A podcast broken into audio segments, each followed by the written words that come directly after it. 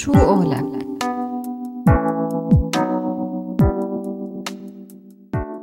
أدونيس حيدر خريج هندسة عمارة من جامعة دمشق. مهندس معماري ومختص بالعمارة الرقمية وحاليا محاضر بجامعة سالفورد بمانشستر إنجلترا. سوريالي سوريالك سوريا إلنا كلنا. سوريالي سوريالك أنت اللي قادر تغير. أنت ابن البلد. المعماري السوري أدونيس حيدر أهلا وسهلا فيك ضيف عزيز ببرنامج من سيرة لسيرة على هوا راديو سوريالي. مساء الخير أدونيس. مساء الخير يا هلا فيكم. يا هلا أهلا فيك. وسهلا فيك. أدونيس سؤالنا الأول صار في عدد كبير من السوريين يلي درسوا عمارة أو الخريجين يلي اشتغلوا بهذا المجال بالدول الغربية عفوا آه، إما بأوروبا أو بأمريكا. هل يا ترى رح يأثر هذا الشيء برأيك على إعادة الأعمار بسوريا المستقبل؟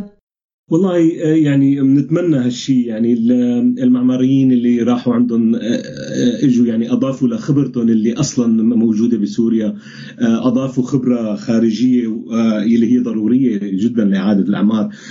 طبعا إذا بدنا نحكي عن رجعتهم ومساهمتهم بإعادة الأعمار أنا بظن في مجموعة عوائق ال- العائق السياسي هو هو الأساس. يعني إذا بدنا نحكي بالتفصيل عن هذا العائق السياسي اللي هو متعدد الأوجه أه، أول شيء من يعني من جهة النظام أه، من جهة الحكومة أو النظام الحالي بسوريا في أه، حالة انعدام ثقة بالمجمل من من الوضع من حالة الاستقرار السياسي اللي آه، المزعومة الموجودة بسوريا. آه، أكيد في ناس عم تقدر ترجع في ناس آه، رغم معارضتها للنظام عم تقدر ترجع تزور سوريا وما عندها مشاكل بس في قصص عن حالات اعتقال صارت. وطبعا هذا الشيء بيسبب وضع كارثي. أنا بظن آه، قصة اعتقال وحدة ممكن تخلي أكثر من عشرة آلاف واحد يبطلوا ينسفوا فكرة العودة من أساسها. يعني وضع كارثي.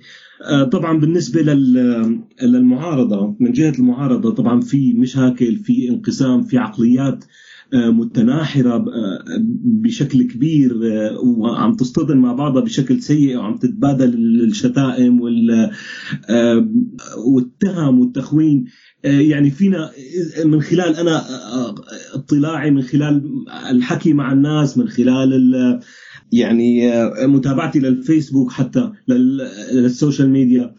آه، يعني فيني أقول في عقليتين العقلية الأولى هي عقلية بتعتبر إنه إنه أي تعامل مع أي شيء بخص سوريا في ظل ال- آه، النظام الحالي هو خيانة. هو خيانة لل- للشهداء خيانة للمعتقلين خيانة للثورة. هاي العقلية الأولى. العقلية الثانية آه، يعني طبعا مو من عندي الحكي من خلال متابعتي آه، بتعتبر يعني إنه البلد هي شيء ثابت والنظام هو شيء متغير وبالتالي يعني البلد هي البلد سوريا هي سوريا سواء حكم بشار الأسد سواء حكمتها المعارضة سواء- حكمتها داعش آه، سوريا هي الشيء الدائم. وبالتالي من هذا المنطلق ما عندها أي مشكلة تتعامل مع مع أي شيء بخص البلد مع أي شيء بفيد البلد. بغض النظر عن النظام الموجود. وبين هالعقليتين بصير تصادم وشفنا كتير حالات مو حابب فوت بأمثلة. عن حالات آه، سببت عنف لفظي وانتهاكات وشغلات. بظن هذا الوضع بيخلق نفور يعني بيخلي الأغلبية تنأى بنفسها عن هذا الموضوع. بس أكيد في ناس آه، آه، حابة يعني في ناس قدرانة تلاقي حالها قدرانة بشكل أو بآخر آه، تتآلف مع هالوضع وفي ناس حابة تشارك فما بعرف يعني في صعوبة مثل ما أقول لك آه، صعوبة سياسية آه، أدونيس. سوريا ب- بلد طالع من حرب طويلة وبالتالي في كتير مشاريع معمارية رح تعتمد على تعمير مساكن لتستوعب أعداد هائلة من العائدين. آه، سؤالنا لهون لإلك رح يكون آه، على قسمين. القسم الأول رح يكون معي. آه، برأيك هل رح تبنى هي الأبنية لتكون شكل من أشكال الهوية السورية بعد الحرب؟ وهل رح تضطر أي حكومة لاحقة أنها تتبع سياسات إعمارية مبنية فقط على إعادة اللاجئين أو ممكن تأخذ شغلات تانية بعين الاعتبار؟ والله هي هي دائما يعني الموضوع معقد وصعب التنبؤ فيه. أه، لأن الوضع غامض إجمالا. بس أه، فينا نشوف تجارب مشابهة. هي أه، أحسن طريقة يعني فينا نشوف عادة بشكل عام في قاعدة إنه الكارثة العظمى بتأدي لردة فعل بتأدي لنهضة بتأدي لحضارة بالمستقبل. هيك بالعادة إذا بنشوف شو صار الدمار الشامل اللي حصل بألمانيا شوف مدينة برلين كيف تدمرت بالكامل وشوف النهضة اللي صارت بزمن قياسي نفس الشيء بينطبق على اليابان على هيروشيما على ناكازاكي كيف تدمرت بالكامل بالحرب وكيف حققت نهضة كبيرة. يعني بيصير في دفع عاطفي بيخلي الناس تتصرف بطريقة تستنفر بطريقة فممكن يؤدي لنتائج منيحة. يعني بالنسبة للوضع السوري آه، في بوادر جيدة لنهضه يعني في أول شيء في إمكانيات فردية كثير كبيرة في معماريين جيدين موجودين بسوريا. آه، وأنا لما عم أقول في معماريين جيدين في كفاءات عالية جدا عم بحكي عن خبرة. أنا مدرس أكثر من ألف طالب بين جامعة القلمون وجامعة اليرموك. وجامعة دمشق حتى كان آه، لي مساهمة. فإنه يعني في إمكانيات كثير كبيرة طبعا آه، موجودة وفي عامل عاطفي كثير آه، هذا العامل العاطفي أنا بعتبره أساسي هو اللي هو اللي حيساعد يعني نتيجة القهر اللي صار بالحرب هذا الشيء بيطلع بإبداع آه، لاحقا.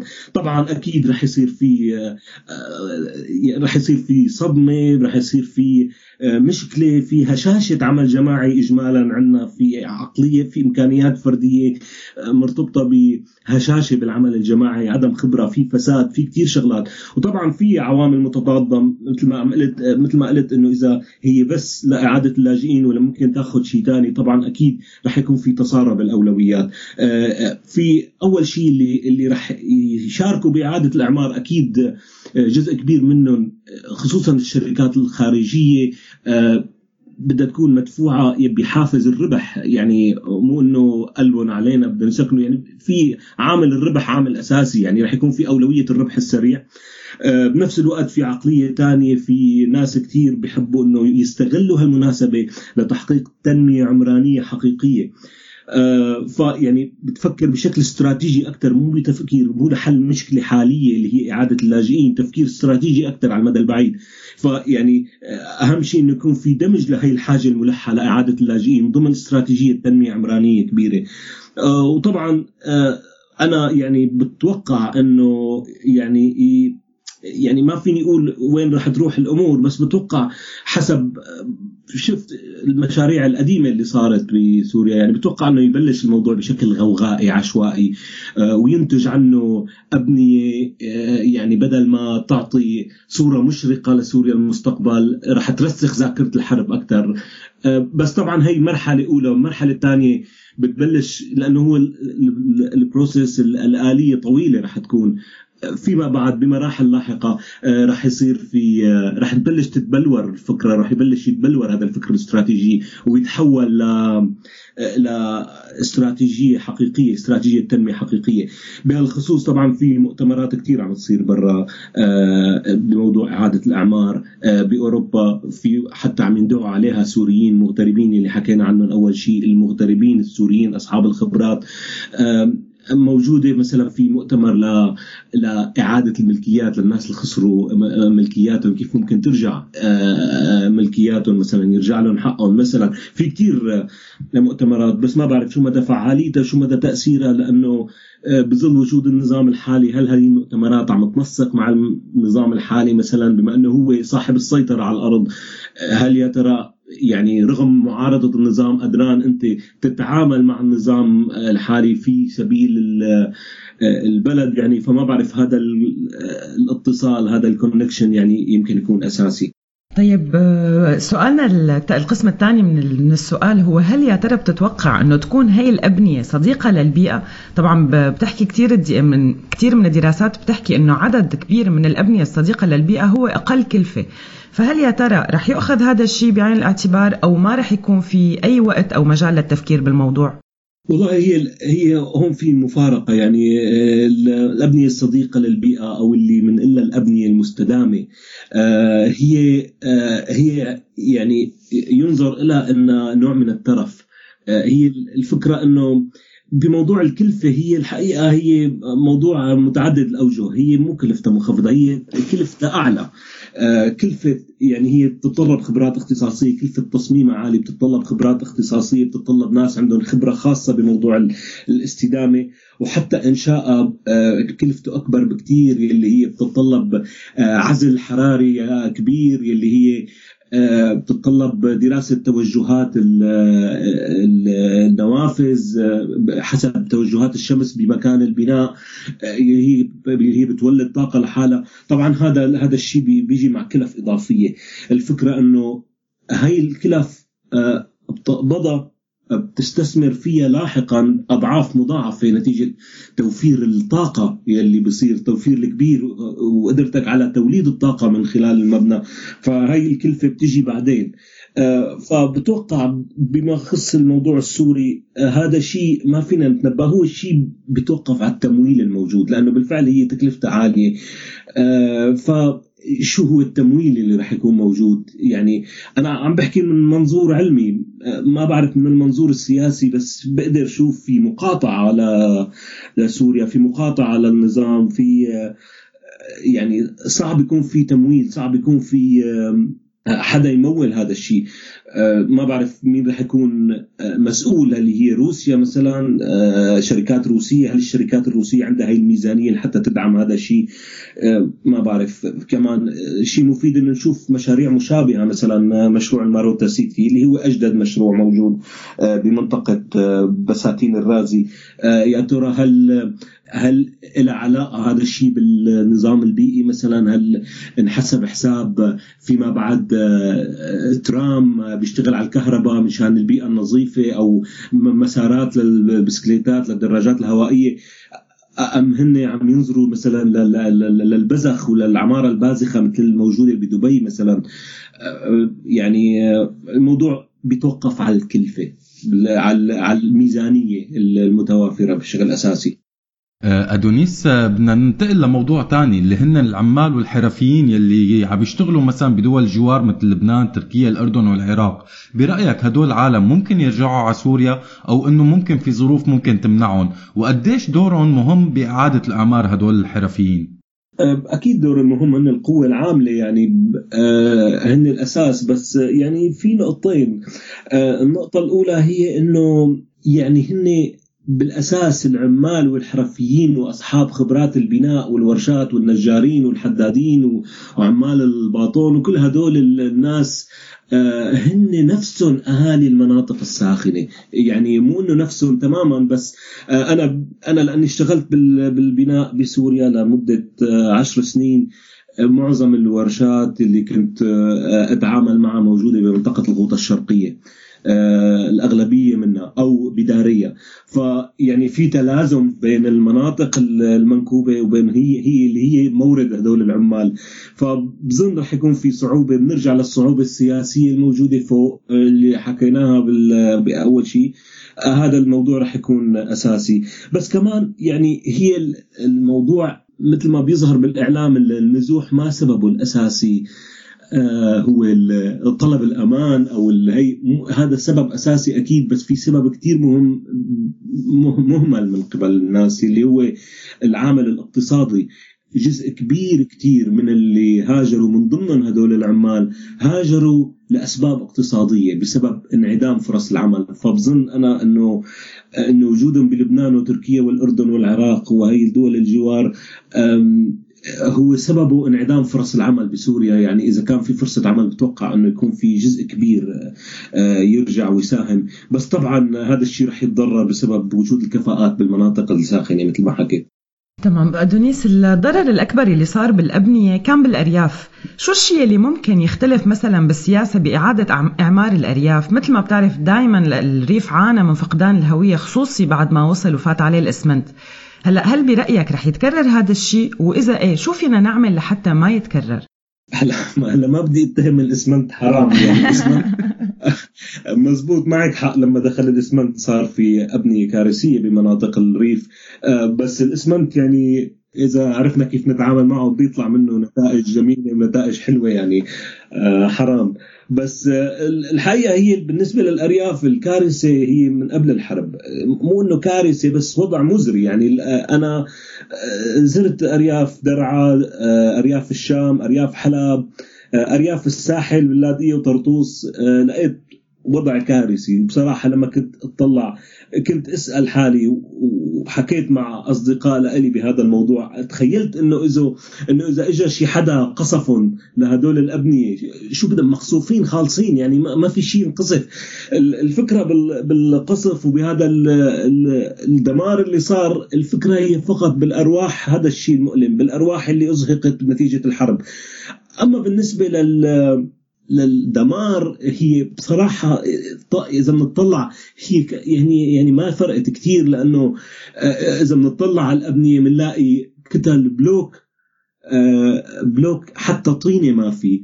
يعني الناس ساكنة بمساكن على العظم. هي بس مكسية من جوا من برا. ما حدا عنده ميزانية يكسي من برا.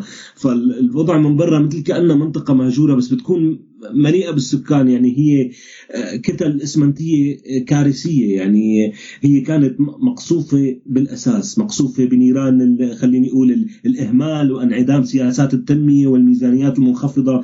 وبالتالي بالأرياف الموضوع مختلف. المختلف يعني هي كلمة إعادة إعمار تعبير غلط بهالحالة. الأرياف مو بحاجة لاعاده إعمار الأرياف بحاجة إعمار. يعني لأنه بعمرها ما كانت عمرانة لحتى لحتى لحتى نرجع نعمرها. هي بالأساس يعني مو موجودة يعني للأسف. طيب رح نضل أدونيس بالأرياف ورح نختم معهم كمان. آه، لطالما عانت الأرياف والمزارع القريبة من المدن من ظاهرة التمدد العشوائي للمدن آه، برأيك شو السبيل لمنع هذا الشيء بالمستقبل؟ هلا أنا بصراحة يعني آه، تمدد المدن ودمج الأرياف هذا شيء آه، واقع موجود بأي مدينة. مثلا أنا ساكن بمنطقة مانشستر. المنطقة اللي ساكن فيها اللي هي منطقة تشولتون هي هي ضيعة جنب مانشستر. تمددت تمددت مدينة مانشستر واحتوتها نفس الشيء مدينة دمشق يعني الصالحية كانت بلدة جنب دمشق القديمة. تمددت دمشق وضمت وحتى ضمت دمر وضمت. فهذا موضوع يعني ما بعرف إذا هو منعه شيء مزبوط ولا لا. بس يعني أنا برأيي إنه إنه فينا نستفيد من تجارب مشابهة. يعني إنه مثلا يعني أنا بصراحة يعني أسوأ مثال بالنسبة لي آه، هو مدينة دبي. آه، يعني في ناس بتحب البناء مع مع احترامي لاهلنا بالامارات بس كمثال عمراني يعني مو هذا المثال. في مثال كثير جميل لحتى اللي هو أنا بشوفه مثال حلو اللي هو بمدينة باريس مثلا. بمدينة باريس بدل هالتمدد العشوائي وهالأبنية الشاهقة تمت المحافظة على آه، شخصية المدينة آه، على الأبنية التراثية العريقة الجميلة آه، تم المحافظة على الستايل تبع المدينة وكل التمدد انحصر بمنطقة واحدة اللي هي La Défense حي المقاومة. فأنه أنا بظن في عنا فرصة بدل ما تتمدد مدينة دمشق وتحتوي الأرياف وهذا الشيء رح ينزع style المدينة العريقة يلي يلي بنحبها يلي عمرها 10000 سنة. أنا بتوقع في عندنا مناطق آه، ممكن يتم تركيز البناء فيها اللي هي مثلا منطقة يعفور مثلا. برأيي أنا بشوف منطقة يعفور بشوفها مثل La Défense. آه، يعني هي ممكن التمدد والأبنية الشاهقة تنحصر بهي المدينة وتنترك المدينة والأرياف على style التقليدي الحلو. يعني هاي الرؤية تبعي يعني إذا بدنا نستفيد من مدن مشابهة. طبعا في حدا ممكن يكون عنده دراسة أعمق ممكن يكون شايف مدن تانية. آه، أنا يعني محصور بباريس وبرلين يعني نطاقي ضيق شوي. بس بال, بال يعني لنختصر الجواب المثال الفرنسي برأيك هو اضبط مثال لهذا الشيء ممكن يحتذى فيه. أنا يعني هو وفق بين الحالتين وفق بين التمدد والتنمية مع المحافظة على على أصالة المدينة آه، وأصالة الأرياف المحيطة كمان. نهاية أدونيس بدي أشكرك وبدي أقول لك يعطيك ألف عافية وإن شاء الله هيك يا رب بنشوفك أنت وكل المعماريين بسوريا لنرجع نبني سوريا اللي بدنا إياها ومثل ما بدنا. إن شاء الله إن شاء الله. وأنا بدي أشكرك أدونيس كثير على وقتك كمان بعرف قديشك مضغوط بهالفترة عم تحضر لرسالة الدكتوراه تبعك بس شكرا كثير اعطيتنا من وقتك. شكرا عزة شكرا همام وشكرا سوريالي شكرا كثير على الاستضافة. أهلا وسهلا. شكرا, شكرا لك يعطيك ألف عافية. شكرا كثير شو قولك